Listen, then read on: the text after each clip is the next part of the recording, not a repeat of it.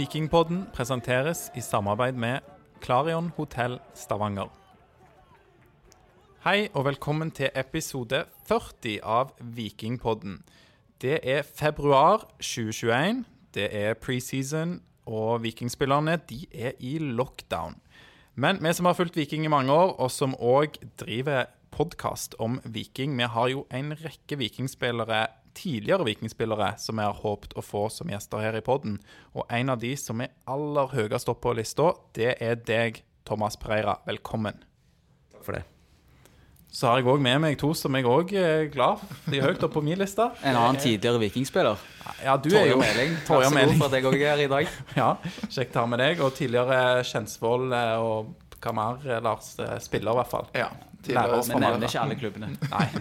Klubbnomade Lars er òg med. Kjekt å få være her. Mm. Det er bra. Men det er Thomas, det er du som skal få flesteparten av spørsmålene her i dag. Det er veldig, veldig nice at du stiller. Eh, vi skal snakke litt om eh, ting som har skjedd tidlig i karrieren din, tida di i Viking, det som har skjedd etter karrieren som spiller var over. Så skal du òg presentere et drømmelag, stemmer det? Ja, det stemmer. Det gleder vi oss til. Ja. Jeg òg. Ja, ja det blir bra. Og så har vi en del, eh, en del lytterspørsmål som kanskje ikke passer inn i noen av de eh, kategoriene der. Men eh, vi kjører på. Jeg skal dra gjennom disse første spørsmålene som handler litt om den ja, tidlige delen av livet ditt òg, egentlig. For du kan jo begynne med å fortelle litt om deg sjøl. For mange, særlig de som er på min alder, så er du et velkjent navn. Men kanskje for noen av våre yngre lyttere, eller eldre lyttere med dårlig hukommelse, kan du fortelle litt om deg sjøl? Ja, eh, jeg kommer eh, opprinnelig fra Sarpsborg. Eh, Gikk, bodde mine ungdomsår på Yven. Og gikk barneskolen der. Og spilte for barndomsklubben Yven før jeg gikk til Sarpsborg som 15-åring. Og var der til jeg var 22. Eh, spilte Gikk deretter til Moss. Spilte der i halvannen sesong før jeg ble solgt til Viking i 1997. Høydepunktet. Livets høydepunkt. Det var, en, eh, det var et veldig stort høydepunkt da. Ja, det, det er bra. Det er godt svar. Det har jo over 400 kamper for Viking blitt. 423? 33? Nei, litt, ja, 33. Ja. Så det er jo Ja, det er sterkt. respektabelt, kan vi si. 433 gode. Ja, ja. Ingen dårlige. Som Gary Goodshite sa, Thomas, du har aldri spilt noen gode kamper, det er bare dårlige, sier han. Uff da. Så eh, lurer vi på én ting her, da. Eh, Og det er rett og slett navnet ditt. Er navnet ditt Thomas Austin Pereira, eller er det Thomas Muller Pereira? Eh, navnet mitt er Thomas Austin Pereira. Ja, okay. For alt om fotball har dette som Muller. Hvor kommer det fra? Ja, det er egentlig fra min uh, mors side. Uh, så jeg skrev det egentlig da jeg var veldig ung, men uh, jeg er døpt Thomas Austin Pereira. Så det kom ikke ut fra lufta, uh, Muller-navnet. Altså. Det, Nei, det var ikke det. Da du var ung, Thomas, hadde du sikkert noen forbilder når du var ung fotballspiller. Hvem kan du trekke fram der? Jeg hadde vel én, eh, og det var eh, På den tida så var det Diego, Diego Maradona. Det, han er veldig forskjellig i forhold til hvordan jeg var som type og han er som type. Men eh, som fotballspiller så var han Da var dere like. Nei, det var heller ikke like, men fader, han var god, altså. Ja. Ja, nei, det er ikke feil, eh, feil svar. Jeg eh, mista en gang en jobb til en som heter Diego Armando. Så eh, for meg er det litt sånn bittert, da. Men, men det var ikke han. Det var ikke han. Det var godt, det. Hva jobb var det? Nei, det, det får vi ta av lufta. Det er veldig bittert for meg, så skal jeg holde meg i Tungt å snakke om. Ja, tungt. Ehm, da, du nevnte jo dette at du startet karrieren din i Sarpsborg, Thomas. Og da var det som midtbanespiller. Når kom denne beskjeden at du skulle spille venstreback, og hvordan, eh, hva Ja, syns du om det? Nei, fordi vi hadde en eh, Jeg spilte kant og eh, midtbane uh, når jeg var ung, som juniorspiller. Som A-lagsspiller så spilte jeg fortsatt som midtbanespiller både i annendivisjon og i førstedivisjon, eller het førstedivisjon første divisjon den gangen. Og da hadde vi en trener som het Bjørn Drillestad, som var, eh, kommer fra, var fra Mossedistriktet. Eh, og da hadde en veldig god sesong som, eh, som sekser i førstedivisjon. Ble toppskårer med fire mål. Vi rykket ned med Sarpsborg. Så sa han bare at eh, Vet du hva, Thomas, du, du har en sykt god venstrefot, og du er god én mot én defensivt. Du hadde passa perfekt som venstreback. Så tenkte jeg liksom ikke noe mer over det, før etter sesongen så hadde han sikkert snakka med Per-Mathias Høgmo i Moss. Ja. Uh, og de uh, kjøpte meg. Og starta egentlig litt rufsete i begynnelsen av sesongen, men så greide jeg å spille meg godt opp og inn, inn på laget i løpet av den sesongen i 96. Og etter det så har jeg egentlig spilt venstreback. ja. Så da var du fornøyd med det? Var ikke noe du søkte deg vekk ifra igjen, eller? Nei, jeg syns det var uh, veldig morsomt. Uh, fordi at du, får, du fikk spille på et høyere nivå. Uh, du fikk spille mot de beste i Norge den gangen. Og jeg er jo såpass Jeg vet jo hva jeg er god på og hva jeg er dårlig på. Og for meg så passa det egentlig veldig fint å ha spillet foran meg. Mm. Kult.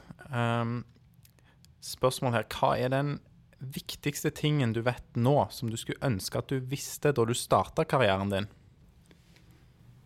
Det var vel eh, Det jeg tenker på, det er egentlig eh, hvordan jeg kunne trent opp hurtigheten min eh, på den tida. Jeg var forholdsvis rask, men så blir jo Men ikke rask på lengre distanser. Jeg var litt kjappere på de kortere distansene. Hvordan jeg kunne opprettholdt det. Og det hadde jeg trent på det kanskje til yngre alder, så hadde jeg kanskje spilt ennå. Nei, faen! Jeg har ikke spilt nå. Jeg sitter bare her og regner, men jeg vet jo at du er Du ser jo så ung ut. Du, du er, 27? Ja, 27. Nei, kanskje du, men eh, du er vel eh, 47, er du ikke det?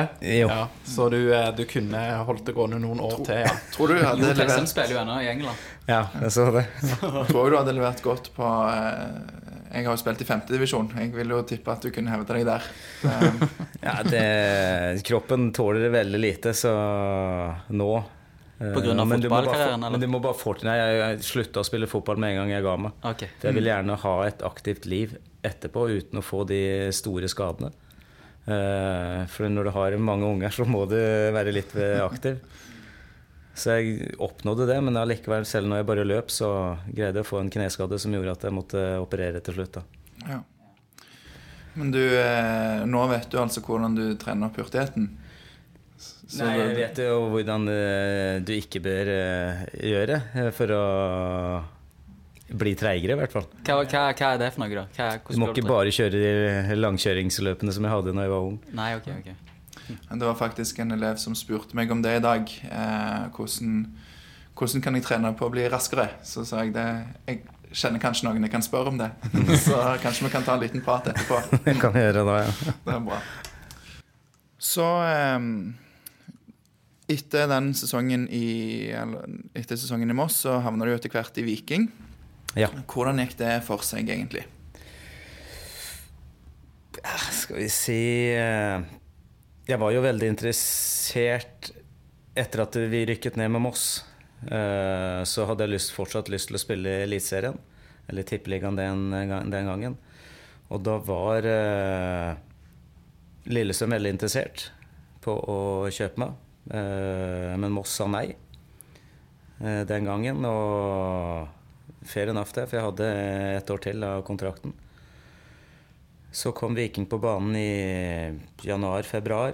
Lurte på om jeg hadde lyst til å komme til de etter sesongen. Ja, det var jo interessert i det, og syntes det virket, virket veldig interessant.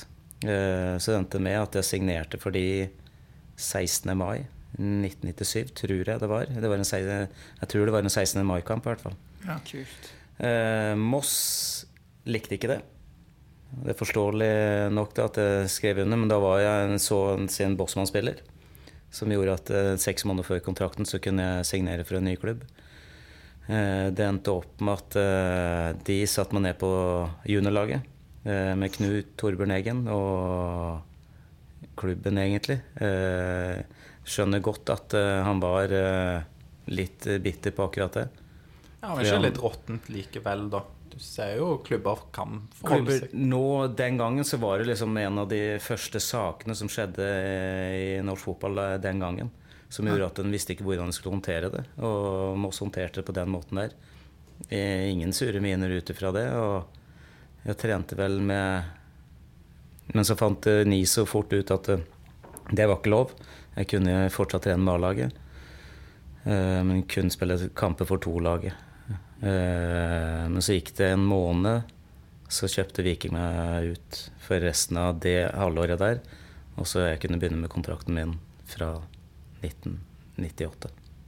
Ja, riktig. Hva, hva tanker hadde du om Stavanger da, før du kom hit? Når du hører det en klubb fra Jeg, Stavanger som eh. Thomas Myhre var jo her. Eh, Andreas Nyhaug var her den gangen. Og Martin Andresen, som hadde spilt sammen eh, i året, og året før i Moss. Så jeg kjente litt til klubben. Eh, Pål Erik eh, var jo trener da.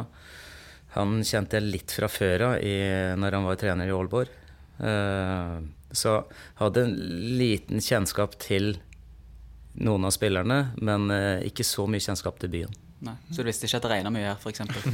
Jo, det har jeg. Men eh, når jeg kommer, så er det jo Syns jeg Jeg angrer i hvert fall ikke på det i dag. Men en utrolig fin by, i hvert fall. Mm, det er bra. Det ble jo en, en lykkelig historie, det vil jeg si. Eh, Du er jo, regnes jo av eh, Jeg vil tro de aller fleste som en ekte vikinglegende nå. Det var 13 sesonger Ja. og som sagt 430, 433 kamper.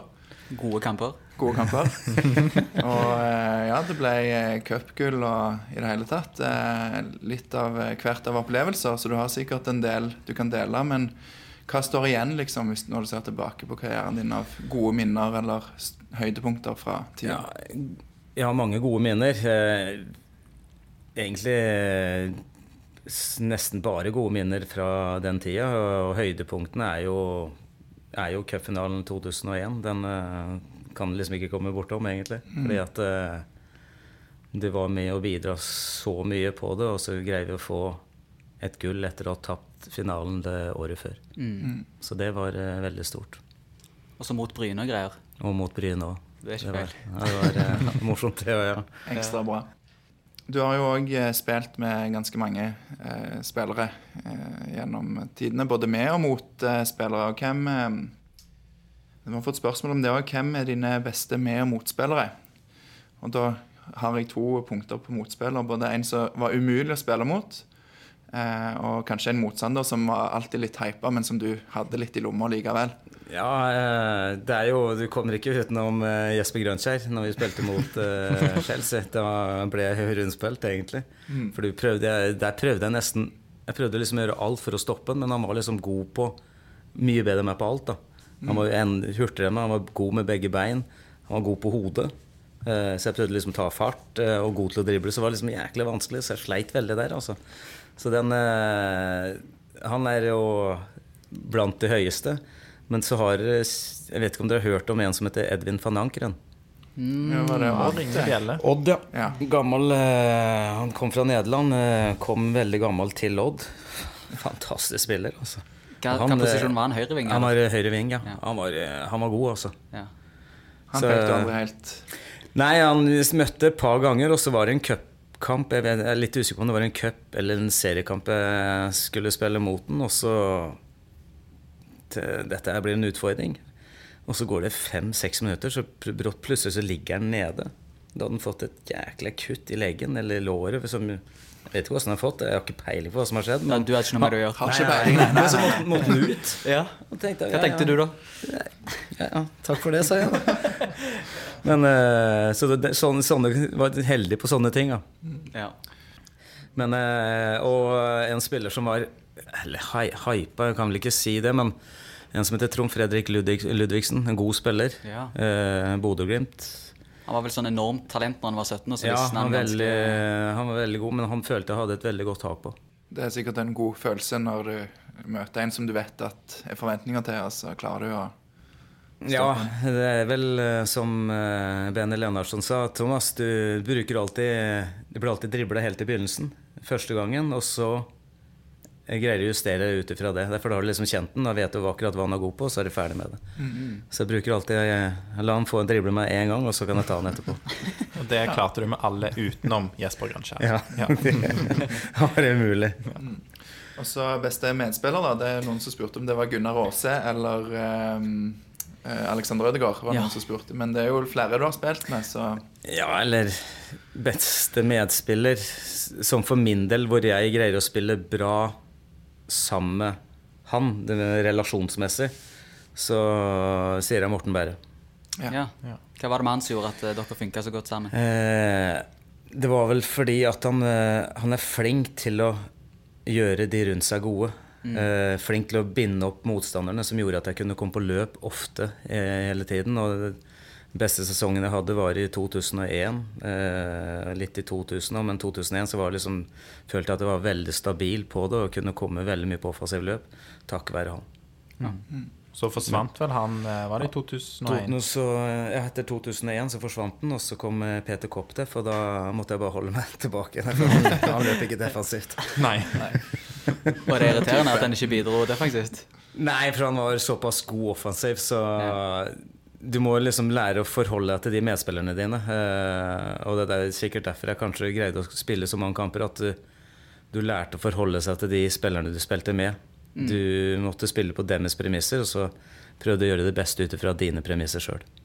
For jeg kunne ikke komme på løp eh, med Ødegård foran meg eller Kopteff foran meg, fordi at hvis jeg gjorde det, så åpna det opp veldig bak, bak meg igjen. Ja. da ble du sikkert ekstra god én mot én når du hadde de. eh, Jeg kom eh, veldig ofte én mot én-situasjoner. Ja. Og du lær, jeg lærte veldig mye av det.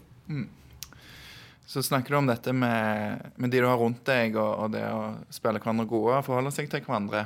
Um, du har jo hatt noen virkelig gode midtstoppere, blant annet, eh, ved siden av deg.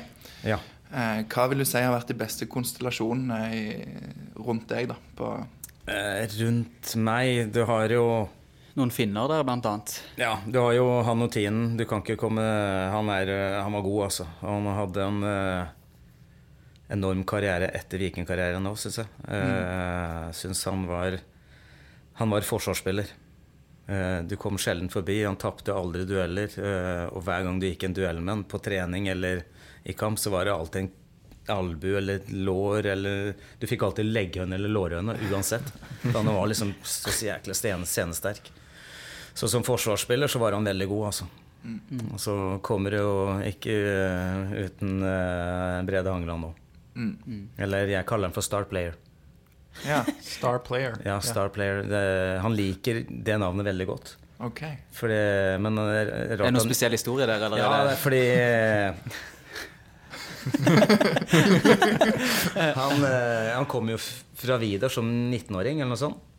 Eh, og det gikk vel under et halvt år. Så spilte han på laget. Var kaptein på laget. Og ble landslagsspiller. Og da, blir, da, da er du star player, altså. Ja. Og så syns det navnet egentlig var veldig fint. Og så syns Thomas bare kall meg star player, sa han hele tiden. Da. og, nå er han blitt, og nå er han blitt star coach. Ja. For nå er han blitt eh, landslagstrener òg, Ja, så Nei, det Hva kalte han deg, da? Nei, Starbuck? Nei, det gjorde han ikke. Han kalte meg for mye rart, han. Spørs hvilket humør han var i. Så han var i dårlig humør? Nei, jeg husker ikke. okay. Han var aldri i dårlig humør. Han var ikke det, nei? Nei. nei. Eh, Så har vi kommet til et eh, etterlengta punkt eh, som vi har fått mye spørsmål om, og en del innspill. Og vi har kommer ikke utenom at vi har fått litt innsideinformasjon her. Og jeg spiller ballen over til deg, Tarjei. Ja, vi har fått både innsideinformasjon, og dette er jo et sånn gjennomgående tema i de spørsmålene vi har fått.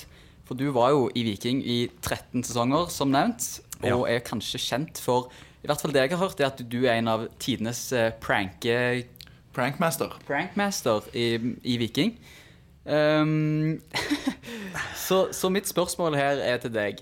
Hva er topp tre pranks du har utført på lagkameratene dine, og har du fått igjen? Det lurer òg David Stangeland på. Topp tre var var vanskelig, altså. Hele topp 20, nesten. Og gjerne alle. det var god tid. Nei, eh, det er vanskelig Det er så mye. Eh, jeg kan fort eh, glemme mange opp gjennom årene, men når jeg er i en garderobe med bare gutter, så blir klart det blir mye kødd. Og i første året mitt, i 98, så var jeg eh, fikk jeg en hofteskade som gjorde at jeg var mye i garderoben. Mm. Fikk mye tid. Eh, hadde mye tid Ja. eh, når jeg var ferdig med, ferdig med treninga mi, og så Det var eh, Jeg kødda med mye, og det er klart der får jeg mye tilbake òg. Men uh, vi hadde jo mange like Vi hadde jo like biler. Mørkeblå Ford Escort. Hvor alle, de fleste, hadde vel de bilene der. Og jeg syns det er ok, jeg får prøve, da. For det var ikke sånn der trykke for å åpne opp eh, dørene. Nei. Så da bytta jeg egentlig alle nøkkelknipene med bilnøklene. Og så ble folka, når de kommer, skal hjem fra trening og har litt dårlig tid, så står de der og ikke skjønner noen ting. Flere som står liksom Faen, nøkkelen min går ikke, nøkkelen min går ikke, helvete. Og jeg sitter i bilen min og venter bare på reaksjonen, for det er det beste. Du må se reaksjonen deres. Ja, ja, ja. Så det ble noen irriterte miner der. Skjønte de at det var deg? Var det sånn Nei. obvious for alle i gruppen at det er Thomas? Som regel så pleier jeg å si 'det var ikke meg'. Nei. Og da trodde de på det. Og da trodde de på det lenge, eller ble det klart dagen etter at det er Thomas? Du, du, du så alle alle vikingspillerne sto og lette etter rett nøkkel, og så kjører Thomas Breira ut med et glis av er- Eh, så det var én ting. Og så var, hadde vi Jeg vet ikke om du husker uh, Jerry Mansson? En spiss, eh, svensk spiss som eh, var en tidligere bryter. Var enormt rask. Høres skummel ut. Eh, ja. Men eh, Han var jo snill som et lam, men eh, enormt rask og hadde en litt dårlig touch. Eh, han bodde nede i byen. Over i Indis, Indian Tandori eller noe sånt, nede ved Røde Sjøøsene. Ja, okay. Der hadde han en leilighet. Så han kjørte jo alltid forbi den eh, eh, lysløypa. Og når jeg var skada, så jeg Så hadde han en blå, blå skort, han òg, så jeg tok en sånn hvit uh, medisinteip. Skrev på passasjersida hans med medisinteipen, tegna opp PIKK over hele Hele sida der sånn.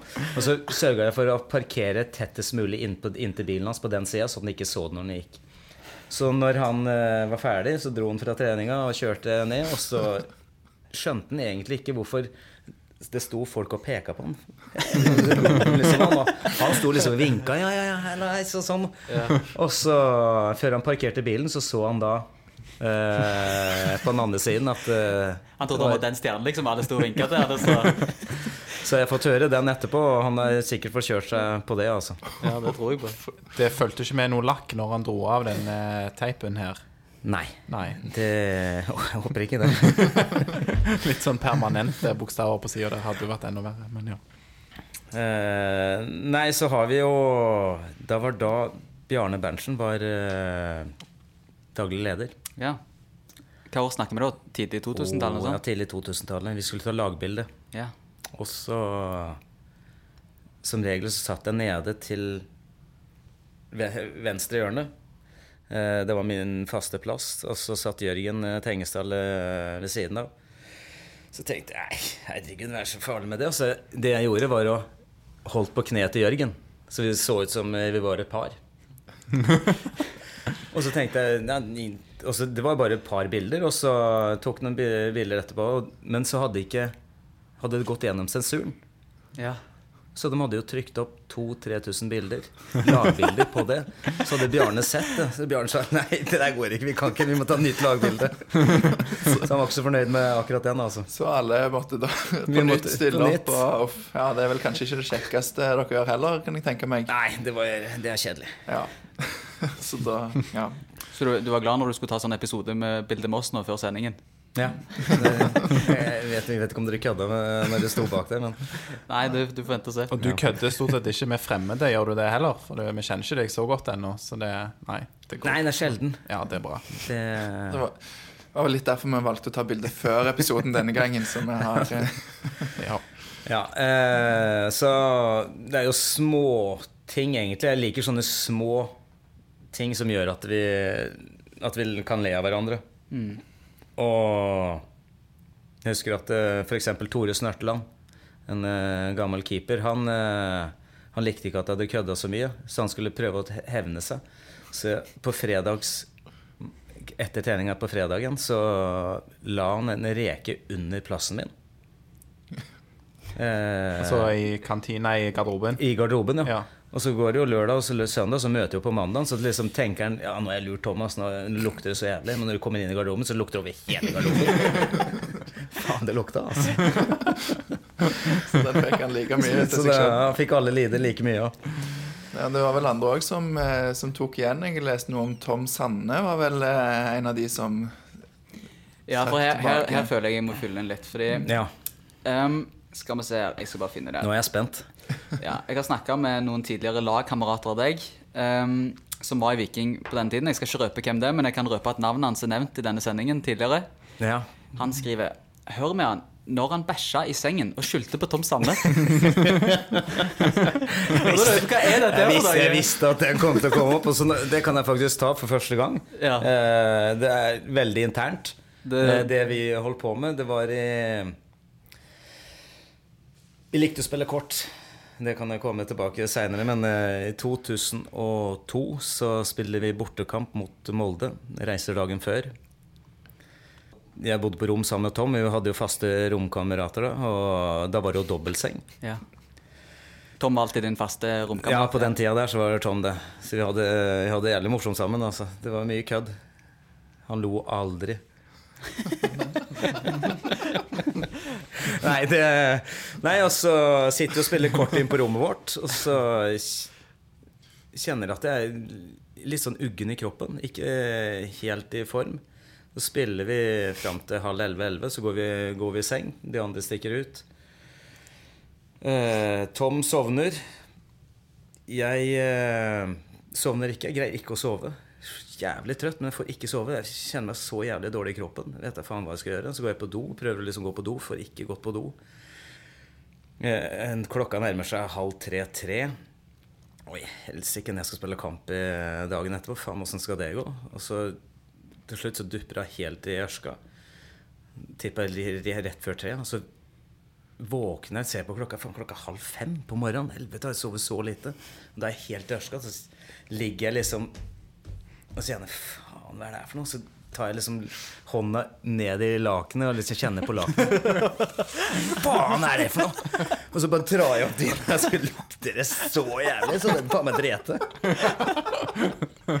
Og så, og så rekker jeg Tom, Tom, Tom, sier det. Eh, jeg har drept i senga, sier jeg. og Tom bare tar opp huet. Nei, fy faen, sier han.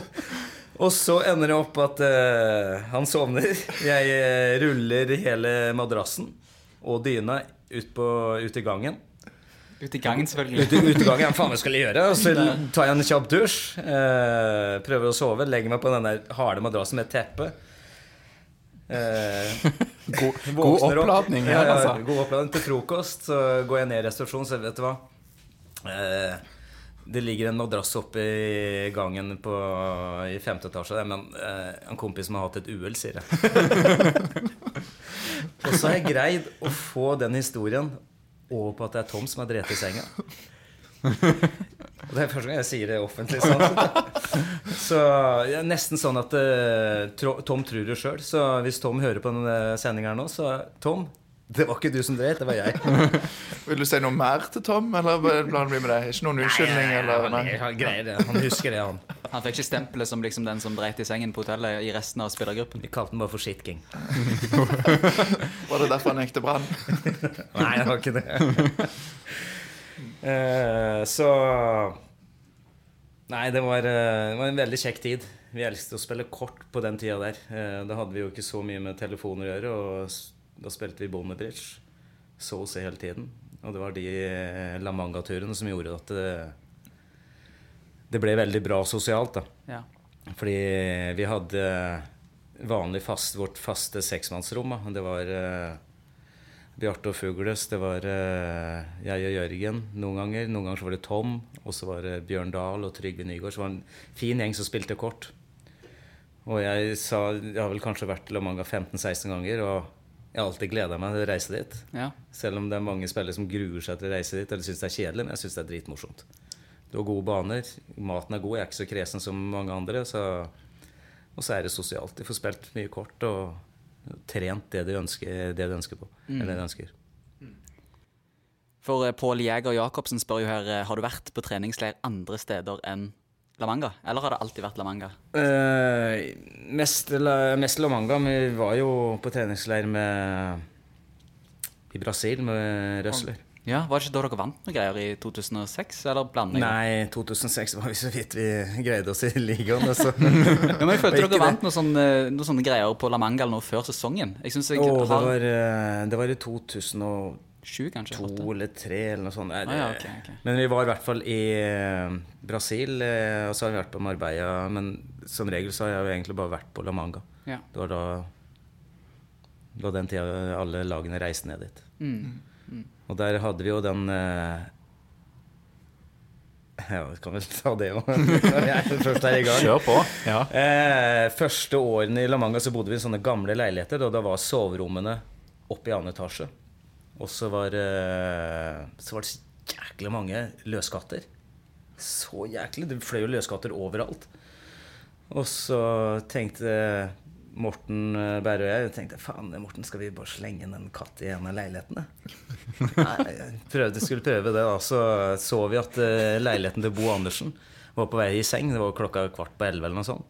Så at lyset ble slått av. Så går vi ned i resepsjonen og sier vet du hva, vi har mista nøkkelen. Vi, ikke, vi greier ikke å komme inn i leiligheten vår. Så sier vi leiligheten til nummeret til Bo Andersen, og der hvor de, de bodde. Så får vi en ny nøkkel. Prøver å finne en katt. Finner en katt, men faen meg så va- vanskelig å fange, så vi løper etter katten for å ta tak i den. Og så får vi tak i den, ser at lyset har slått av, og så lukker vi opp døra, slipper inn katten, og så tenker vi ikke mer over det. Så går vi i senga etterpå. Så kommer Bo til frokosten. Fy faen, mann! Lille katt! Stå og mjauer. Mjau! Klokka seks på morgenen. Og vi knekker sammen da, vet du. Men uh, så er det jo også de nye leilighetene. Det er jo kjempe, det er jo luksusleiligheter de med tre soverom og en fin stue. Hvor det er inngang felles for alle de tre leilighetene. Og vi kommer hjem men etter å ha spist en kveld. Og så- Fortsatt på La Manga her. Det er fortsatt på La Manga. Ja. Og da, når vi kommer inn døra, lokker, lokker opp døra, så er det så jævlig vått. Så vi går liksom med skoene, skoene våre overalt i leiligheten. Og faen, hva er det her for noe? Helvete. Vi skjønte ikke hva det var. Ja. Og så får vi greie på dagen etterpå at faen, en av spillerne har pissa inn i bresprekken. Så vi har gått faen meg på piss og skjedd over hele leiligheten. Så da fikk dere noe tilbake? Da fikk vi tilbake, og det var sikkert ikke Jeg tror ikke det var pga. meg, det var sikkert pga. Bjarte eller Jørgen eller dem, dem hadde gjort noe. Har Jeg gjorde kødda sjelden i La Manga, altså. Ja, Men har du noen du mistenker? Er? Ja, jeg vet hvem det er, men jeg kan ikke si hvem den spilleren der. Så har vi Jo, det var Tom og jeg som bodde på rom sammen igjen i La Manga. Og da var det Det lukta så jævlig i leile, eller på soverommet. Visste faen ikke hva det var. altså. Et eller annet var det, men eh, vi fant ikke ut av det. Slo av lyset, prøvde å sove. Men Thomas, faen! Helvete, det er noe som lukter! Jeg får faen ikke sove her! Vi går inn på do og sjekker om det er et eller annet. da. Og så legger vi oss ned på sofaen, så, eller senga, så sier han Thomas, ta opp puta di. Så tar jeg opp puta mi, og ser det faen meg en død fisk der. Nei. Det lukter så jævlig. Og det er jo, og det er jo Hanne Sigurdsson. Okay, Han ja. kødder mye. Han òg var prankefyr. Ja, han òg, ja. Han og Koptef, de to sammen. Var pompel og pilt, altså. Jeg hadde kommet hjem i, Når jeg bodde i Vassåsveien, så var det en carport. Bilen var liksom, sto liksom i carporten. Så skulle jeg dra på trening en dag. På morgenen så kom jeg ut i bilen, så faen, hva er det her for noe? Så er det faen meg, har de, har de vært på natta eller kvelden og tatt sånn gladpakk rundt hele bilen? Dritmange pakker. Det brukte så jævlig lang tid på å få det vekk. vet du. Det er jo de to. Å, herlig. Da er spillerne litt snillere i dag, tror du? Så jeg, eh, Er det mye sånn pranks på de lagene du trener? Disse ungdomslagene? Eller er de mer prektige? Jeg, jeg føler Eller jeg tror nok det, men jeg vet ikke om det er jeg vet ikke om det er så mye, for alt blir jo tatt opp på bånd eller tatt opp på telefon. Ja. Det er litt farlig. Ja. Det ble det ikke på den tida der. Men er det noe du legger inn i liksom, ditt treningsregime? At uh, i dag skal vi ha prank, eh, prankeskole? Nei, nei, det gjør vi ikke. Uh, når vi trener, så trener vi. Da er det trening. Så får heller de finne på å kødde etter trening eller før trening. Men du kjører ikke noen på de? Du legger ikke noen fisk eh, Nei, det gjør jeg ikke.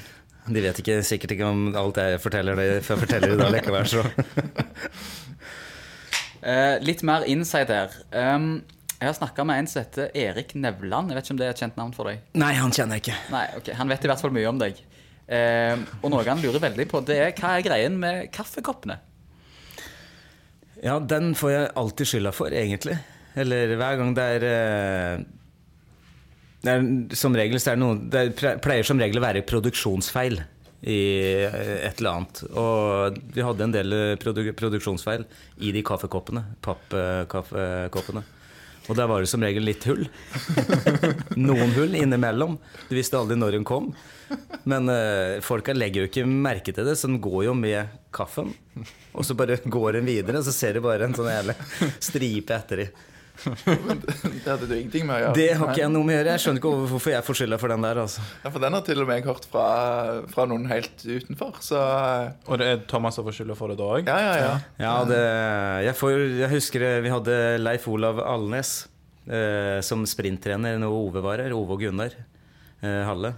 Da kom, ble han fløy, fløyet inn, og så hadde han eh, Hadde han en økte med oss eh, med sprint. Og han Det, jo, er det han han, Karsten Warholm sin ja, trener? han er jo Han er jo en gladgutt. Ler, ler mye. Han ler det ser mye, jeg, han ler Han- mye. Så han fikk jo også hull i kaffekoppene. Jeg skjønner ikke hvorfor. Men eh, jeg fikk jo skylda for den. Og så hver, hver gang jeg ser nå, når jeg hilser på nå, så sier jeg 'Å ja, faen, Thomas, åssen går det med kaffekoppene?' sier jeg bare. så, men eh, det er jo Noen ganger så blir det feil.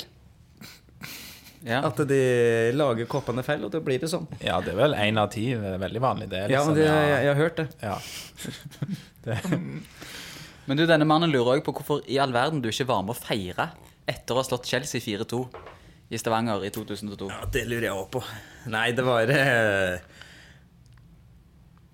Vi lever jo av prestasjoner, egentlig. Eh, og selv om vi vinner en sånn type kamp, så er det jæklig morsomt å vinne sånne kamper, men jeg var så jæklig dårlig. Og du var drit den kampen? Jeg var dritdårlig. Jeg var egentlig sånn der Åh, gidder jeg det her, da? Å være med ut og feire?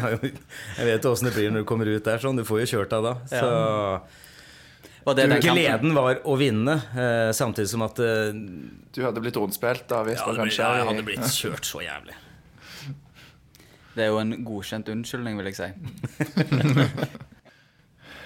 Ja, da hadde du eh, Da var, da var jeg eh, ferdig. Det er bra. det er bra Nei, jeg, eh, Når jeg gjorde litt research til episoden, her, så leste jeg òg om, eh, om noen sko på et fly og, som Tom Sanne hadde Hadde noe, en finger med i spillet. Ja, med. Hva er det for noe? det, den der husker jeg ikke. Det, det er så mange historier som jeg ikke husker. Så, faen, det var, akkurat den husker jeg ikke. Ja, For, for det sto at, eh, at eh, For du Igjen, eh, Thomas Pereira, som er kjent for å drive med spøker, eh, så hadde Tom Sanne, da Du, du mistenkte han, i hvert fall. Ja. Hadde da gjemt dine sko. Sånn at alle eh, på flyet sto og venta på deg ute i en sånn der buss. ja, det, det, det stemmer, det. det kommer du på. Men ja, det var noen som hadde tatt skoen min. Ja, Men du fant, fant det ikke, eller? Nei, det husker jeg faen ikke. Om jeg fikk den tilbake eller ikke. Men Om jeg fant den, det er noen som har tatt den. Men jeg vet faen hvem som har tatt den. For det, nei, jeg kunne jo kødde med alle, så jeg visste aldri hvem det hvem som kunne kødde tilbake. Nei, Da pekte du på Tom Sanne, og du hadde visst fått eh, godt med jubel og applaus når du da kom ut i, til resten av gjengen. Ja, det, for jeg funnet skoen. Sikkert at de følte de hadde fått den inn på deg tilbake. Så, Ja, det, jeg, har fått, eh, jeg har fått mye pepper sjøl, altså. Ja, Det høres jo ut som du nesten har fått nesten mer pepper enn du ga, på en måte. At du Nei, litt det var, jeg, det har jeg ikke. Nei, du var ikke. Du vant. Du kom vinnende ut av det. Nei, nei, nei, I 13 sesonger, så Jeg har jo Ja, Børge Moi. Mm. Eh, han som jobber i marked. Fantastisk mann eh, for klubben. Eh, jeg har kjent den egentlig siden 99. Han, eh, han, han har jeg kødda mye med. Han har kødda mye med meg. Ja. Eh, han, eh, han la jo ut en annonse han, Ja. Eh, om eh, hvor det står Det var det store kontaktannonsen at eh, Hva var det for noe? En atletisk mann eh, utfører massasje. Eh, og så gir han telefonnummeret mitt. Eh, utfører mannlig massasje. Og telefonen min sto faen ikke stille neste dagene. Det ringte faen meg hele tiden. Eh, og det gjorde så at jeg måtte kødde litt tilbake med den.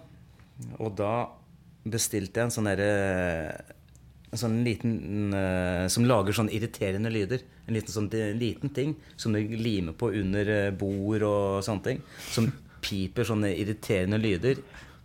Du vet aldri når den kommer.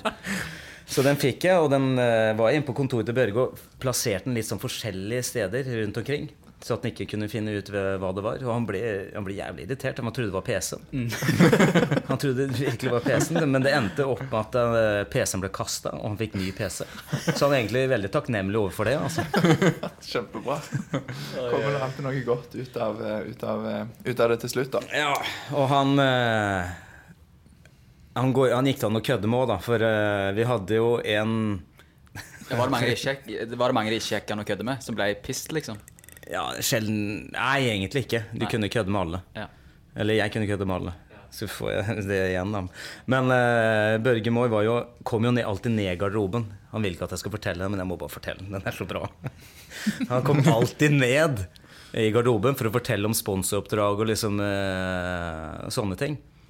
Og så var det en spiller, den kan jeg ikke gå på navnet på, men han hadde en forholdsvis svær kølle. og det hausa vi jo Børge opp. Faen, Børge, du må se på den. Den er dritsvær. Og kjører den veldig opp på akkurat det. Her er det gutta, altså. Ja, ja, ja.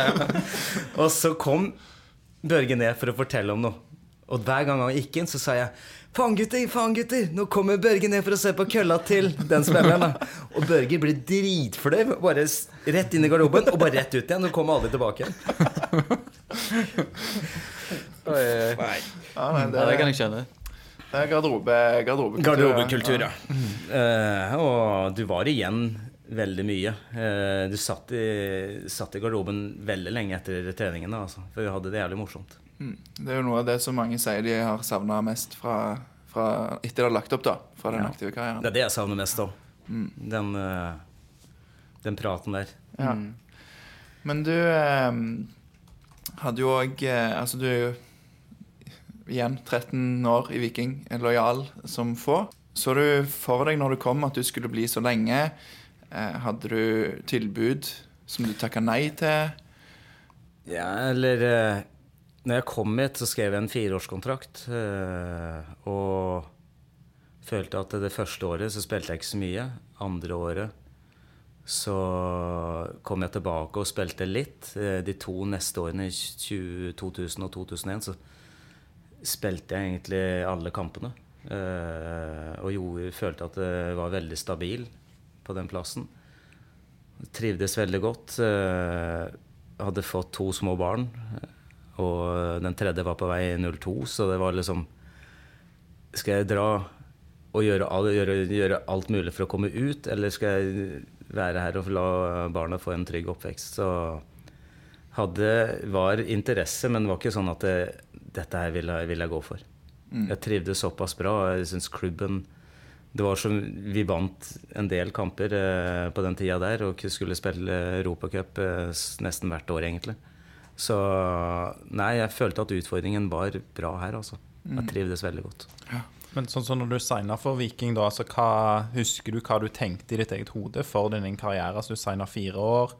Eh, og hva skisserer Viking, liksom? Er det? Nei, jeg kom jo fra en by hvor, eh, som var sultefòra på fotball. Eh, Fredrikstad var stort. Sarpsborg hadde ikke vært i toppdivisjon på lenge, eller på mange år. Og så for meg så var det veldig stort å komme liksom til en helt annen by og spille eliteserie. eh, Og bli kjøpt opp. Så det var liksom den utfordringen jeg eh, syntes var tøff. Å reise bort fra alle kompisene og vennene der. Men så har jeg blitt der og egentlig levd mitt hele mitt voksenliv her i Stavanger. Jeg har eh, to punkter igjen på denne her fra liksom tida som aktiv spiller. Og, og forholdet til fansen har jo Altså, jeg husker jo eh, som liten så var jo du et av mine forbilder etter hvert når jeg begynte å spille litt forsvar. Og jeg eh, bodde faktisk i samme nabolag som deg. På Høgtussa. På Haugtussa. Eh, og jeg husker hvor stort det var at vi For du tok deg tid til å være med oss på Løkka en gang og spille med oss. og jeg, tror, jeg husker du sa at jeg skøyt så hardt, og det levde jeg lenge på. At jeg kunne skyte hardt. eh, men sånne ting som det, da, det er jo for supportere så er det veldig stort. Og um, liksom hvor tenker du Hva tenker du at det har å si for fansen, og, og ditt forhold til fansen? Og, ja. Ja, eh, mitt forhold til fansen var jo sånn at de, Jeg håpa alltid de, at jeg alltid skulle gjøre mitt beste. Uansett om jeg kanskje hadde en dårlig dag eller eh, en god dag, så skulle de alltid vite at uansett så var det det beste jeg kunne gjøre den, den dagen, altså. Mm. Eh, og de eh, Jeg syns det var morsomt å spille for så mange tilskuere. Og så Og de var, dere var jo gode. Faen, dere var jo Dere var høylytte hele tiden. Og eh, vi, jeg og vi som spillere satte utrolig pris på det. Mm. Og det, de spillerne i dag òg er ganske sikker på at eh, med en gang fansen kommer på t- tribunen, så er det Det er ekstra giv, altså. Ja. Du får det der ekstra giret som gjør at eh, du orker å ta de siste meterne. Du lørker å løpe de siste meterne. Du orker å gå, gå i den duellen du kanskje egentlig ikke gjør når, du, når det er, ikke er så mange folk på tribunen. Mm. Og det er jo litt sånn type som, som du både er lojal mange år i Viking, men òg at du i hvert fall Mitt inntrykk var at du alltid var litt sånn på tilbudssida med, med både supportere og de unge. og og ikke møtte oss med en sånn åh, da kommer de der drittungene i nabolaget igjen. Hva han tenkte, er det ingen som vet. Det. Nei, men det er, jo, det, var jo, det er jo kjekt uten å ta det liksom at du skal gå dit eller gå på et sponsortog. Så brått sett kan du ta det sånn, sånn plutselig. At oi, faen, der er det noen unger. Kanskje du kan bare være, være med litt med de. Og uten å Du trenger ikke være en time, men at du er fem-seks minutter og snakker med dem, så tror jeg det er kjempe, eh, veldig bra for eh, de, altså. Ja, det er jo en investering i fansen, så jeg hadde stjerner i øya. og Det var jo alltid kjekt når jeg så deg og kunne si 'han har jeg spilt fotball med'. Så eh, nei, det Jeg kan jo bare si kjapt at jeg eh, har jo møtt eh, største fotballspilleren jeg har møtt i mitt liv, er jo Christian Pulisic, som jeg møtte. Han var på et sponsoroppdrag, og han hata jo livet eh, når han var der. Han hadde jo lyst til å være alle andre steder, og det er jo verden null og niks òg. Ja. Altså, da kunne han jo liksom bare ikke møtt opp. Så bare en Ja. liten anekdote. Det motsatte. Men du eh, nærmer deg jo slutten av karrieren på Glap i 2009. Ja. Og eh, mot slutten av karrieren så gikk du fra å være bankers og fast på laget til å være litt bak i køen etter hvert. Hvordan var den overgangen for deg? Eh, bra spørsmål. Fordi at eh, jeg var heldig eh, å ha Ove Røsler som trener. Som også hadde gitt seg som spiller. Og han var Jeg vet ikke åssen fansen eh, eh, sier noe om det, men jeg syns han var en jækla god trener. Litt dårlig på personalbehandling den gangen. Men eh, som trener, og er ganske sikker på at han nå er han en knallgod trener. Både på det menneskelige plan og fotballplanet. For han var en god taktiker. Og når jeg eh, eldre, så du blir jo eldre. Og så må du bare lære å skjønne at du kan ikke spille alle kampene når du, når du blir eldre. Du forlenger karrieren din med å akseptere det, tror jeg. For det gjør, gjør det, og så har du en trener som forstår det å bli eldre. At du ikke kan spille alle kampene. Og han brukte egentlig meg inn litt mot laget. Eh, for spurte om ting og tang. Og han, eh, det var vel eh, først Svenning som spilte eh, først. Eh, så gikk han, og så kom eh, da Bertelsen, som eh, skulle ta over. Og ferien, da, for han var utrolig god spiller. Fikk jo landslagskamper Ja, der. og hadde, men hadde også noe å lære. Og han tok også til, til seg læring, som gjorde at det var veldig lett å gjøre det byttet. Og jeg forsto at han skulle spille. Og når du har en trener som forteller liksom at vi vil la han overta, la han spille, fordi han er bedre, og du blir eldre, og fullt akseptabelt, og så spiller du de kampene jeg ønsker at du skal spille. Så han kom f.eks. Eh, tre uker før en kamp som var veldig viktig. Thomas, om tre uker skal vi spille borte mot Rosenborg. Gjør deg klar til å spille den kampen. Du gjør akkurat det du vil. Eh, og når jeg godtar den, aksepterer den, som gjør at også Ove setter pris på det, som gjør at da forlenger du karrieren mye mer, og du lærer mye mer. Du er en eldre spiller som skal lære de yngre spillerne. Eh, men samtidig så må du også være et forbilde som gjør at du må kanskje trene enda mer på andre ting som gjør at du greier å forlenge det mer. Eh, og Ove var jævlig fin, for han, hvis det var noe han skulle ta opp så var, Vi hadde jo badstue i garderoben eh, ved siden av garderoben vår, og han elsk, elsket å ta badstue. Han er tysk, vet du, så han jæklig varmt. vet du, Så var jeg ferdig med å dusje, eh, kledde på meg, ringer til kona mi Line og sier at eh, jeg kommer om 20 minutter, jeg kjører hjemover nå. Og så brått så kommer Ove inn i bare håndkle. 'Thomas! Thomas! Sauna!' sier han. Og da, når han sier det, da vet jeg at det er noe han skal eh, snakke om. eller et eller annet sånt. Så er ringer Line. Line, jeg blir litt forsinka. Ove har uh, bedt meg å komme inn i badstua. Ja, greit. Ja, men jeg inn i dusjen og inn og snakke. Og da var det et eller annet han ville ta opp. Og det syns jeg var kjempebra. For da, selv om du ikke spiller kamper, så blir du satt pris på. Og det tror jeg er viktig for uh, andre trenere å ta vare på de eldre spillerne. Og bruke dem for det det er verdt, for de har jæklig mye erfaring. Så jeg aksepterte det, eh, og det gjorde at det forlenga karrieren min kanskje både med ett og to år. Samtidig som at jeg kunne også spilt kanskje ett og to år til, men da følte jeg at eh, nok var nok. Jeg kjente at eh, da var alle kompisene borte.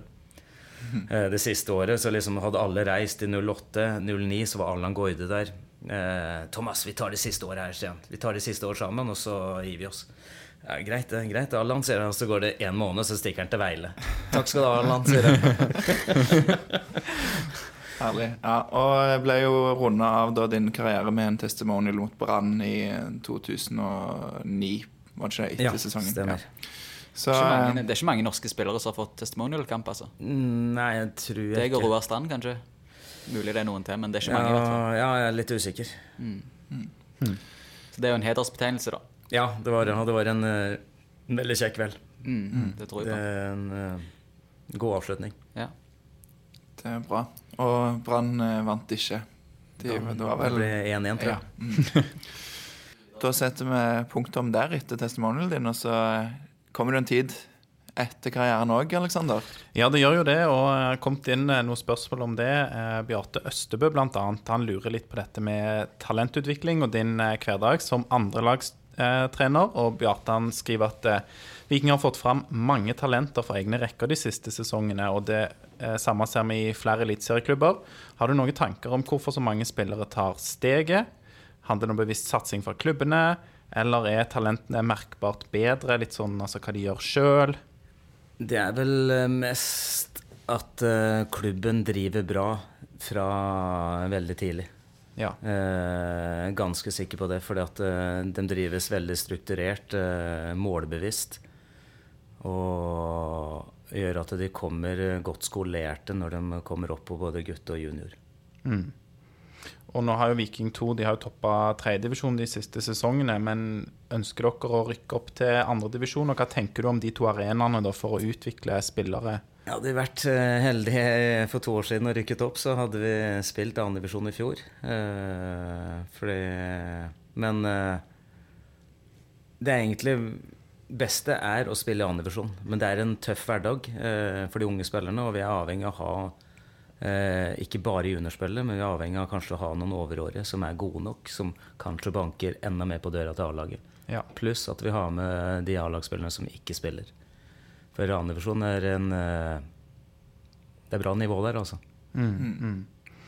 Hva tenker du om dette her da i, eh, i koronatiden? Altså hvordan, hvordan er det nå med junior- og andrelagsspillere? Eh, ja, vi får jo trent. Eh, begynt å trene nå eh, med kontakt.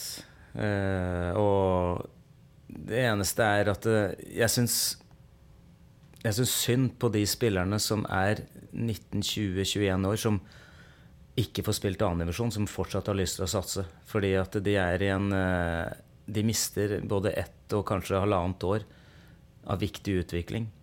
Uh, studenter på den tida, sånn som nå, de kan ta opp studiene uh, når de er seinere, men de fotballspillerne som har lyst til å satse, de mister egentlig ett og to år av karrieren sin, som gjør kanskje at det blir vanskeligere å nå opp, fordi at spriket blir enda større. Det er, Fordi toppidrettsutøverne toppidrettsutøverne får jo spilt, mens de som ikke er det, de får, får ikke vært med og trent nå.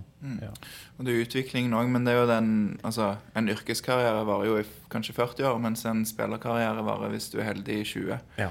Så, så da er jo ett et år og halvannet det er ganske mye. Det er mye, ja. Og Det er en Men- fordel for de som fikk tatt noen steg da for et par år siden, kanskje. Ja, det er det. Eh, men som jeg sier, at vi får ikke gjort noe med det. Eh, det vi får gjort noe med, er egentlig det at vi må gjøre det beste ut av det. Ja. Og det er likt over hele verden, egentlig. Ja. Mm.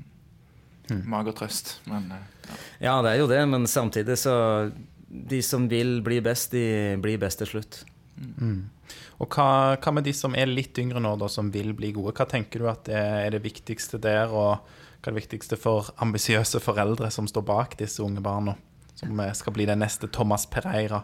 Jeg vet ikke om det trenger å bli neste Thomas Pereira, men det handler om å egentlig bli om de, om de har lyst til å bli fotballspiller. Eh, foreldrene kan gjerne være med å påvirke, eh, bidra, men hvis de De må Spilleren, ungen, de må ville det sjøl. For hvis de ikke vil det sjøl, og de blir pressa til å gjøre ting de egentlig ikke har lyst til, så har jeg faktisk opplevd en del av det òg, som gjør at de blir ikke spillere til slutt. altså. Du må tørre å ha spillere som tør å stå i det uten å Uten å bli påvirka av andre eh, og si at du må bli fotballspiller. For de må ville det sjøl. Det er litt annet spørsmål da om eh, hva som ja, du driver med nå, eh, Thomas. Det er jo Hva gjør du utenom fotball? Har du noen hobbyer? Utenom å pranke. Nei, eh, nei, jeg har egentlig aldri hatt noen spesielle hobbyer. Eh, jeg fikk jo forholdsvis barn veldig tidlig. Eh, når jeg var 25. Og da, også når du har fotball og små barn, så er det ikke så mye hobbyer du har. Altså. Nei, det tar vel en åtte-ti timer i uka, de kidsa, gjør det ikke det? Ja, det, Ja, det tar Det er så jævlig deilig å dra til La Manga de gangene. ja ikke sant? Så det kan være lærdom, da. Hvis man vil ha, føle det, at det er enda mer positivt å dra på treningsleir, så kan man få kids. Ja, Ja. Det kan du glede deg da òg. Ja. Men, eh, men disse kidsene som du snakker om, de er jo fotballspillere, de òg. Har du Ja. lært, lært de eh, litt tips til hvordan de kan finne på å pranke lagkamerater, eller er det mest fotballmessige fotballmessig du har Jeg vært tror et ikke det er eh, så veldig vanskelig å gjøre med han, eh, han som er i Hellas nå. Det er, han greier det sjøl. Han gjør det? Ja. Men som sagt så er det jo Ungene, både minstejenta og så er- handler jo egentlig om mye, Det er mye konkurranse. Ja. Og det er eh, fordi at jeg har vært sånn hele tiden. Det må jo være konkurranse på alt, eh, og du skal ikke tape. Og det er sånn at når Da, ikke, da lar ikke ungene vinne, heller. Og det har, eh, jeg har hatt noen dårlige erfaringer med det. Fordi at eh, For eksempel med han eldstemann her med Jonas, så var jeg på en eh, spillkveld med klassen hans. Med foreldre og de. Det var på en ungdomsskole. Og så spiller jeg ludo med et par jenter i klassen hans og en gutt. Er på vei til å vinne. Og Jonas sitter jo litt bortafor, og så blir jeg slått inn. Så tenker jeg ikke over at eh, de er der. Eller at jeg spiller med de. Og så sier jeg to stygge ord så jæklig. Og Jonas bare titter bort på meg. 'Pappa, du kan ikke si det.' Og jeg kan ikke si det her engang, for det er så stygt. Så, så konkurranseinstinktet, Så konkurran er på plass. Ja, det er på plass. Og det er uh, samme med han uh, Kevin som er 18 år nå. Han, når han var liten, så var han veldig glad i Pokémon-figurer. Uh, og skulle hadde lyst til å kjøpe noen ting. Så sier jeg til- Kevin Hvis du vinner meg, mot meg i Fifa, så skal, skal jeg kjøpe en figur til deg.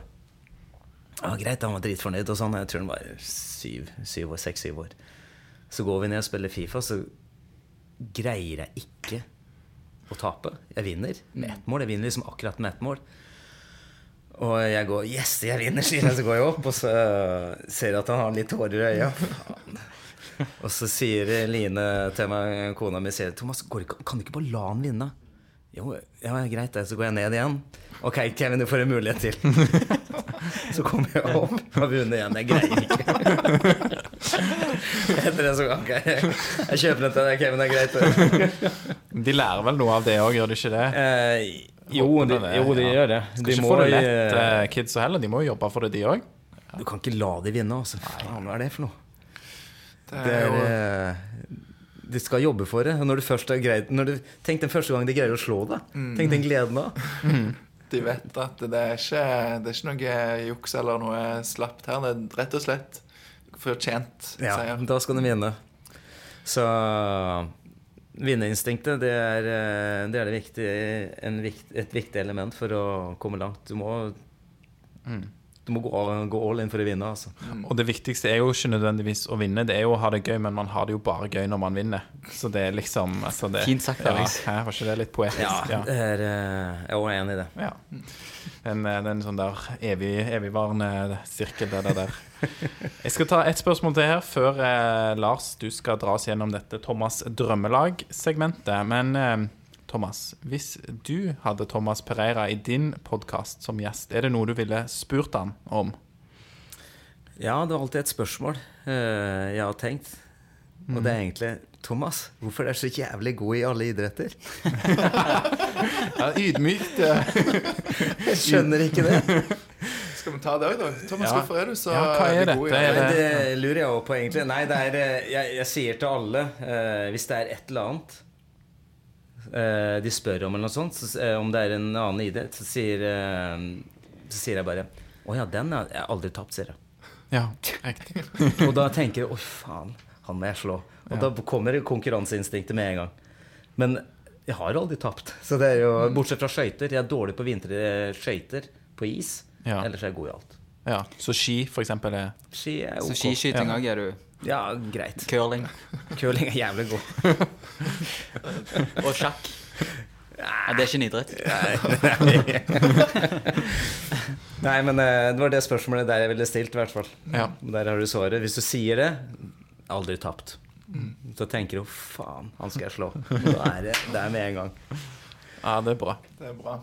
Du, eh, Vi har jo bedt deg sette sammen et drømmelag, og, og du har, har du valgt et tema, eller er det bare liksom de beste historiene? Hva? Det er eh, de beste jeg har spilt med, egentlig, eh, opp gjennom eh, tida i Viking.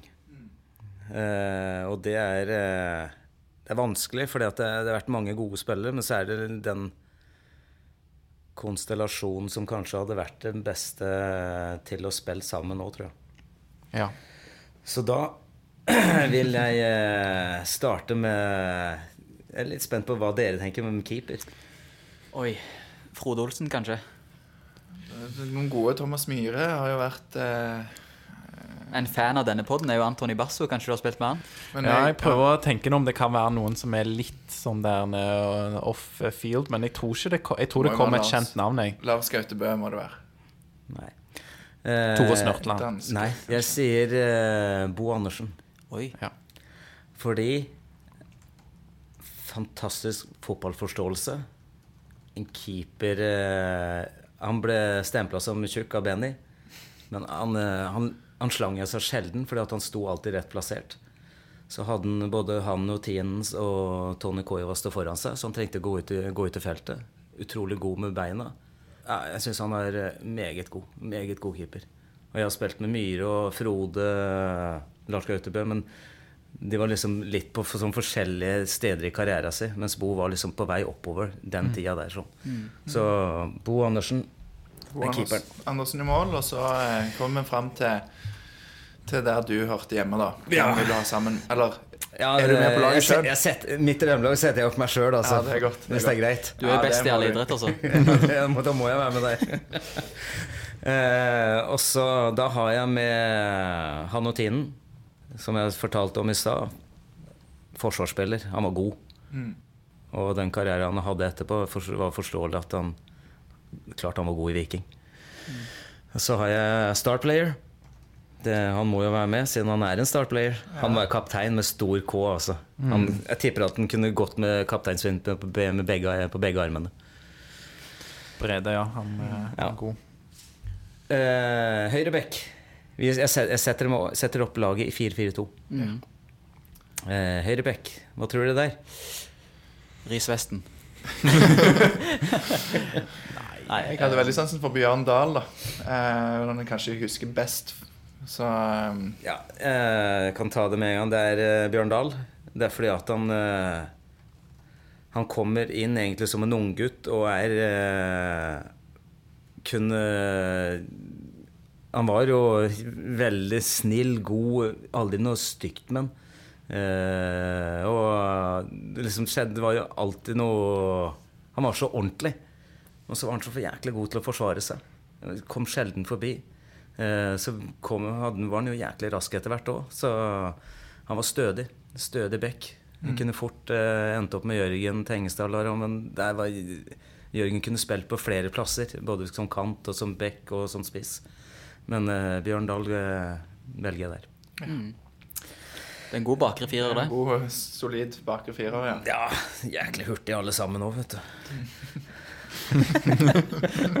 Tør ikke si imot. Jeg blir så usikker på om det, om det er ironi, eller er det, hvor er det du vil Eh, så har vi høyre kant. Der kan eh, Det var veldig jevnt, altså. Men eh, det kunne fort vært Tom, Tom Sanne. Ja. men der går jeg for Allan Goide, fordi at han eh, Han er veldig god på den sida der, sånn, hvor han greide å komme innover med venstrefoten sin. Og fantastisk fotballforståelse. Så, eh, og type generelt. Kjempetype. Så du går for fart på midten òg, altså? Hæ? Du går for fart på Ja, midten nå må, du høre på- de som er på midten nå, så, så ser vi. Eh, så Allan går der på høyre kant. Eh, to sentrale. Der er eh, Magnus Svensson eh, udiskutabel. Fordi at eh, han hadde aldri en dårlig kamp når han kom hit. Eh, Turbo ble han kalt for, og det er eh, Du forstår det veldig godt, de som har sett den spille. Faen så god, altså. Han var på Han var på sitt beste så å si hver kamp. Imponerende. Det er jo òg et eh, veldig sterkt navn. Så jeg tror dette laget kunne gjort det ganske bra. Jeg. Få høre på hva neste den andre sentrale, da. Det kunne vært mange andre, men da Magnus var liksom eh, klar. Og så har jeg kunne vært eh, to-tre andre på den ene, men der velger jeg Bjarte. Ja. Eh, han har en fantastisk fotballforståelse. Eh, blikk for spillet. Bjarte Lunde Årsheim. Ja. Eh, Hvilke, fantastisk Kunne det vært noen andre Bjarte, eller er det jeg som eh, glemmer en? Bjarte Berntsen. Ja, det er klart. Nei, eh, fantastisk blikk for spillet. Eh, terrier. Hissig. Eh, ser løsninger som andre ikke gjorde. Eh, der kunne også Nicolai Stockholm vært. Uh, Fuglestad kunne vært der. Eh, det er mange som kunne vært der. Trygve Nygaard, men eh, jeg velger de to. Mm. Venstrekant, som jeg sa, eh, som gjorde meg mye bedre, som også var veldig, som han, hvor han var veldig god i den posisjonen, er Morten Berre. Er eh, Den er også helt klar. Et par av de som jeg kjenner at vi mista litt tidlig der, med Berre og Svensson, altså skulle hatt eh, noen år til i Viking, men eh, Ja, Berre litt dumt at han reiste på den tida der, for han kom jo tilbake eh, litt i slutten av 02 eller 03, tror jeg. Etter å ha vært i St. Pauli. Eh, Magnus ble jo solgt for 12 eller 13 millioner til eh, Brøndby, og det er bra til å være 30 år, altså. ja. Så fullt forståelig. Mm, mm. Eh, Berre var, var en, er en klar eh, vinner for meg der, altså. Det kunne vært uh, Koppteff, gjerne. Det kunne vært uh, Ødegård. Mange hadde sikkert valgt Ødegård, men for min del, uh, for at jeg skulle prestere bra, så var uh, han på den plassen. Så er det to spisser, da. Ja. ja, nå er jeg veldig spent. Her er det Kanskje vi prøver å gjette, da? På, Ja. Ja, Vi har jo spilt med mange. Ja, det har du. Nevland kom jo opp som en, et navn. Dada Men han visste jo ikke hvem Nevland var, sa han. Nei, jeg har hørt om en eh, Nevland. Nei, eh, Nevi er, eh, Nevi er med. Ja. Det er fordi at han var en fantastisk målskårer. Hardtarbeidende. Eh, litt sånn uh, Copacabana innimellom. Det vil si at han skal hele og flikke og sånn, men han skårer, noen mål på det. Og på brasse. Og på brasse. Så han er, han er der. Og så har vi en eh, som dere ikke har nevnt ennå. Østens, da. Nei. Nei, det tror, jeg tipper det er Peter Ije. Ja. Det er Coach Peter Ije. På Twitter. Ja, fader, han hadde Han hadde en jæklig flytsone i 20, eller 2007 hvor alt egentlig gikk inn. Han kunne jo skyte faen meg fra hvor som helst, og han kunne score. Ta ned med alle kroppsdeler i Ja, og så vender han opp med den rumpa si, for han hadde en han, Rumpa var sånn der Den var så hard. Liksom Når du kommer, så får du liksom, akkurat som å få en lårhøne når han prøver å vende opp og skjerme med rumpa si. Så når du spiller fire mot fire, f.eks. boksspill, så sto han alltid oppe med motstanders keeperen. Keeper i våren kunne bare kaste opp den, så bare sto han og skjerma. La i støtte, så kunne han score. Sånn sto han hele tiden. Men hvis du skulle slite, så Da gjorde han ikke så jævlig mye defensivt, men når vi hadde ball, så var han god, altså. Men eh, fantastisk eh, spiller. Jeg husker vi begynte å lure dere på høsten i 2006, før han begynte å skåre mål. Hvem er det vi har hentet? For han løpte jo omtrent ikke en meter. Men så begynte han å skåre, og da skjønte Ja. Eh, nå er han jo blitt trener. Ja. Så, men eh, jeg møtte han eh, på flyplassen for et par år siden. Jæklig kjekt. Faen. Jeg måtte, jeg måtte gå liksom fram og tilbake. Er det, er det Peter? Er det EJ? Faen. Så titta jeg på han, og så, så, og så fikk jeg øyekontakt med han. Så så han meg, og da begynte han å smile. Ok, da var det Hadde en god karriere, han òg. Ja, det hadde han. Dette er jo et uh, sterkt lag, og um, ja, alle disse på, eh, på rett tid i sin karriere, så ja, det hadde nok uh, lukta, lukta gull av det. Fin gjeng, ja. Men det er mange som kunne vært med. Eh, Jeg bodde jo på rom med romkameratene mine, sånn som f.eks. Jørgen Tengesdal. eh, Tom Sanne bodde jeg på rom sammen med. Allan Goide. Mange, vi hadde mange fine stunder, altså. Jæklig fine stunder. Og vi, var mye latter. Hvis du skulle valgt den beste treneren du har hatt da, i din tid i Viking, til å lede dette laget, hvem eh, Åh, den er vanskelig, for det er, eh, det er jo tre trenere som, er, eh, som ligger i toppen. Eh, Men de er gode på sin måte. mm. Hvis skal Ben- name-droppe de, da? Det, Ja, ben, Bene Lennarsson. Fantastisk flink til å motivere til å ha kjekke treninger. Morsom. Alltid glimt i øyet. Og de fleste kjenner han. veldig krevende. Kravstor. Vet akkurat hva han vil. Men god, altså. Og så har du jo Roy Hodgson. Eh, jeg var han Litt kom sånn motsatt trener, ser jeg for meg. ja, men han, nei, men uh, utad så ser han veldig kjedelig ut og sånn, men faen innad så har han så mange gode kommentarer. Så han er uh, sånne kommentarer som jeg, jeg kommer på innimellom, husker. Og så begynner vi å snakke om de gamle spillerne, så er det faen meg så mye morsomt. Vet du. Eh, han, men han var god til å eh, Flink til å beskytte spillerne utad. Men eh, innad i garderoben så kjørte han de så jævlig. Eh, og det er forståelig eh, hvis han var misfornøyd. Men eh, veldig flink til å organisere defensivt. Så på, og lær, jeg lærte veldig mye, selv når jeg var i en alder av 31 og 32 år, så lærte jeg utrolig mye på ting defensivt. Detaljer defensivt. Mm. Eh, så er det Ove Røsler.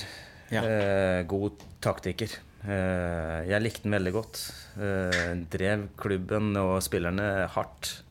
Men jeg likte å trene hardt, så det var liksom ikke noe problem på akkurat det. Mm. Så hadde han sine perioder hvor han var liksom Han kunne behandle spillerne litt sånn annerledes. Hva legger du i det? Nei, det var vel uh, det jæklig bra, fordi han eh, Det var en hendelse hvor han Et eller annet med Øyvind Svenning hadde forsovet seg. Mm.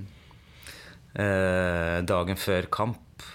Og så måtte han inn på kontoret til Ove, så sier han eh, Øyvind, I give you 2000. 2000 kroner i bot. Og da uka etterpå så forsover Jørgen seg. Tengesdal akkurat samme. Kom til litt over samme tid, og da sier han eh, Jørgen, I give 1000. Og Ove var jævlig fin, fordi du kunne drikke alt, men cola det nekta han også å drikke. Ja. Han likte ikke det, for han, var- det var vel, eh, han dårlig erfaring med at han hadde funnet en død mus i en cola når han var yngre. eller et eller annet sånt Som var sånn, Han nekta spillerne å drikke cola, og Vidar Nisja var jo Han elsket cola. ja. Ja, han- for ingen glad i å drikke brus. Så var vi i Brasil. Eh, ingen drakk noe brus når Ove var der. Han drakk sikkert, drakk sikkert brus på rommet sitt, men eh, ingen brus når Ove var der. Selv når vi var ute og spiste og sånn. Nei, jeg fikk ikke lov til det. Og så reiser vi til Brasil, kommer tilbake, rei, lander i Lisboa etter en lang flyreise. Så tenkte Vidar eh, Nisja Nei, faen, jeg er så tørst, jeg må ha en brus. Og så går han liksom lengst innerst i, eh, fly, på flyplassen og finner en liksom kafé der. Kjøper en brus, setter seg. Akkurat når han satte seg ned, så kommer Ove Røsler ut fra toalettet akkurat ved siden av kafeteriaen. Oh, unlucky Vidar, that's 500, sier han. oh, dyr cola. Så, men uh, Ove er uh, på topp tre-lista der. Jeg ser for meg han kjefta på en sånn deilig blanding av tysk, norsk og engelsk. Eldste hører fin på kombi. det. Jævlig fint å høre på. Men du klarer ikke å velge en av de, altså? Til Nei, det er vanskelig å velge på Jeg presterte best offensivt med Benny. Jeg presterte best defensivt med Roy.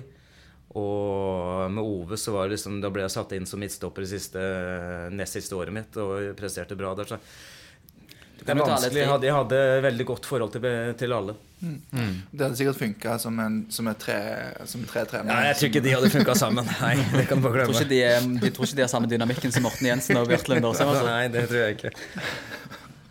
Men det er veldig bra.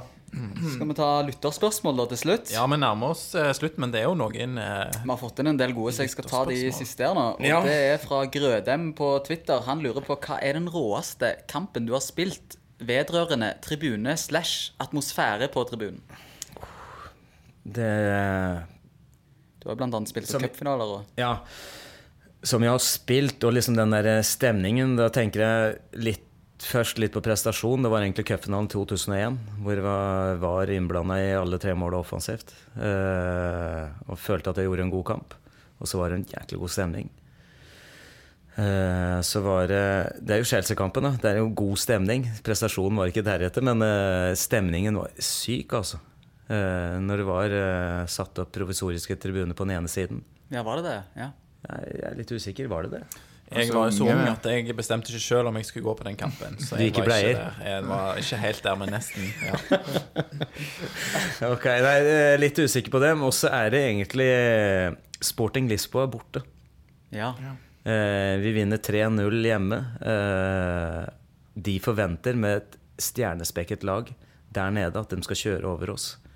De kjører over oss, ja, men eh, de skårer bare ett mål. Men den stemningen er sånn, og det presset vi hadde på oss, faen, så morsomt, altså. Så det var en uh, god opplevelse. Veldig god opplevelse. Det er mange som kanskje ikke husker de kampene der òg, men de bortekampene er sånn. Borte mot Østre Wien, borte.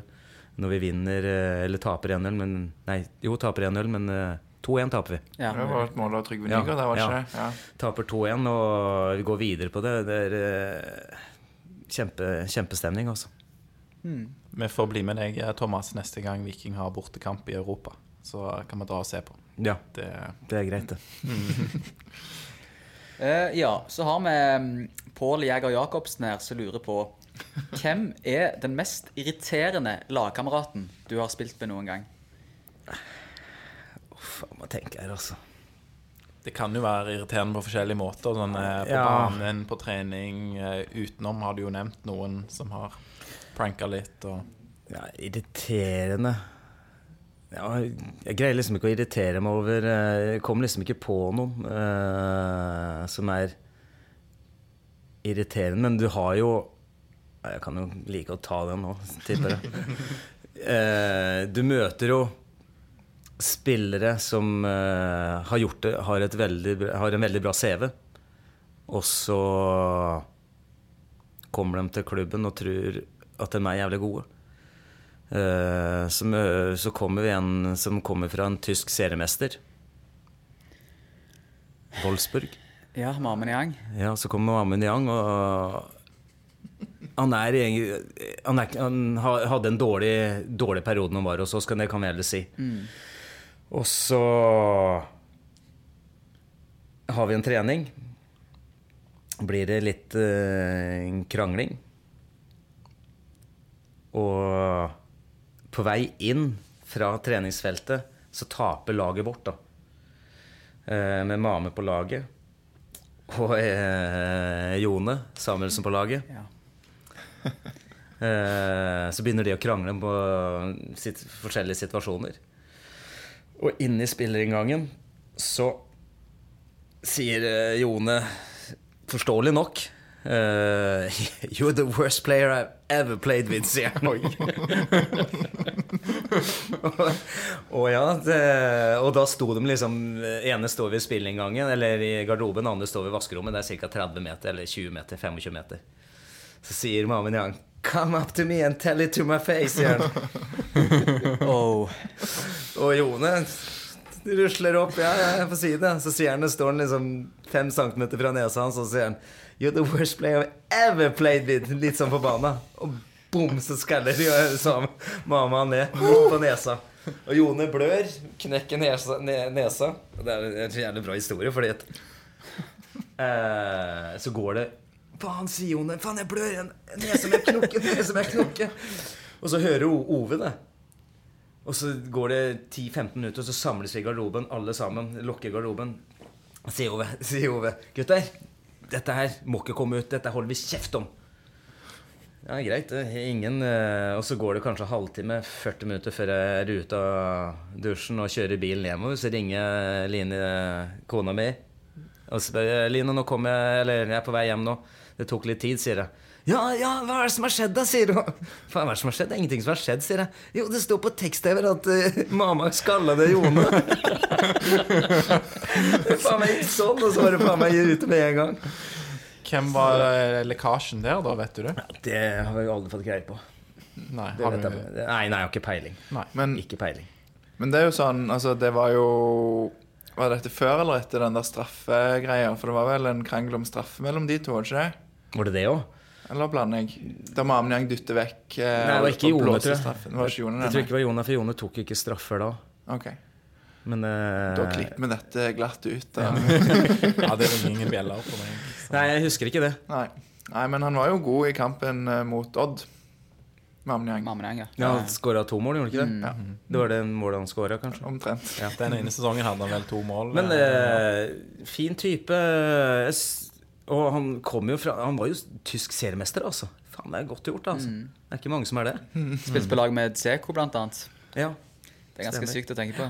mm. Så det, noen ganger så lykkes du i en klubb, andre ganger så lykkes du ikke. Sånn er, sånn er det, altså. Men han har nok ikke skåra to mål direkte fra corner. Nei. Men det Det, har det har eh, en annen en, ja. mm. Det er jævlig godt gjort, da. Ja, det er imponerende. ass. Det er veldig bra. Og det er noen i dette rommet, det er ingen av eh, oss tre. Så ja, nei, det er bra, Thomas. Ja, vi- ene, gang- ene kampen var jo mot Brann, hvor vi taper 6-2, men eh, ja ja, vi skårer et mål for det. Siste spørsmål er fra Pål Jæger Jacobsen, og det er hva landskamp husker Thomas best? Nederland hjemme. Nederland hjemme. Eh, Jeg tror det blir 0-0, 1-0 eller noe sånt. Eh, Jeg spiller mot van der Meide, tror jeg. Eh, mange kjente spillere som spiller på det ned- Holland, eller nederlandske landslaget, så det, den husker jeg best. Mm. Kult. Smyg inn et til spørsmål her. Det er et eh, lytterspørsmål her fra Bjarte Østebø igjen. Eh, husker du, Thomas, hva du tenkte om tilbakespillsregelen da Edvardsen dømte tilbakespill for at du snubla over ballen mot Sandefjord i 2006? Ringer det noen bjeller der? Nei, det husker jeg faen ikke. Imponerende hukommelse på Ja, Bjarte det er Østebø. eh, Nei, det husker jeg ikke. Men det er sikkert eh, Det finnes jo situasjoner der ute som irriterer fansen veldig, som kanskje spillerne faktisk eh, glemmer litt Ja, fortere. det- er av de. Nei, det husker, den husker jeg ikke. 2006 hjemme eller borte? Står bare Jeg husker det ikke. Ja, okay. For vi vet at du tapte kampen borte 3-1, tror jeg. Eller noe sånt. Med Tom Nordli. En av de første kampene til Tom Nordli. Ja, riktig. Men en annen ting du kanskje husker da Hva syns du Fikk du veldig omsorg for John Pelu? Han Han fikk jo krampe. Ja, det er det verste eh, situasjonen noen gang. For han ringer til meg. Jeg vet ikke, Det er en som ringer til meg. Han skulle selge et eller annet. Det var lenge etterpå, altså. Eh, For ikke så mange år siden. Og så snakker han svensk, og så skal han selge et eller annet. Så sier jeg Hvem er det jeg snakker med? Eh, John. John Pelu. Ja, det er ikke du John Pelu som eh, filma etter straffe for eh, noen år siden? Jo, hva faen, sier du! Så, så skjønner han at det er meg som eh, altså At jeg som snakker med han. da Snakker dritlenge sammen. Det var liksom alt gjort. Jeg fikk jo krampe, sier han. Nei, det gjorde jeg faen ikke. Og for de som er litt yngre, jeg husker dette var dette 2008, 2009 2008, tror jeg. 2008, yeah. der Jon Pelu filmer kraftig. Ikke i nærheten Ja, av Det er vel du han som er kommer, nærmest. mell- han kommer mellom meg og Ragnvald Soma. Ja. Uh, ingen av oss er i nærheten av han. Mm. Eh, så snu, eh, faller han.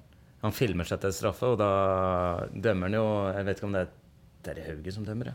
ja. Og det er Rosenborg borte. Er Rosenborg borte, Ja. Så scorer de på den straffen. Ja. Eh, som gjør at de taper kampen. Og da sier han etterpå at han eh, ja, forsvarer seg med at han fikk krampe. Og det er jo noe av det flaueste som har skjedd i norsk fotball, fordi Rosenborg går ut og bekrefter det legen. Ja. Og, ja, Jeg husker den situasjonen der. det er meget pinlig, altså. Det Ja, den er helt syk. Ja. Og du kjøpte ikke Hva var det han solgte, da, Jon Pelu? Nei, i nei, jeg kjøpte i hvert fall ikke Jeg husker ikke hva det var, men jeg kjøpte i hvert fall ikke. Men det var en god mimring, i hvert fall. Ja. Det er gøy at han ennå påstår at han faktisk fikk krampe da, mange år Nei, senere. da lo han, da. Ja, ok, ok, ok. Da skjønte du at Nei. Herlig.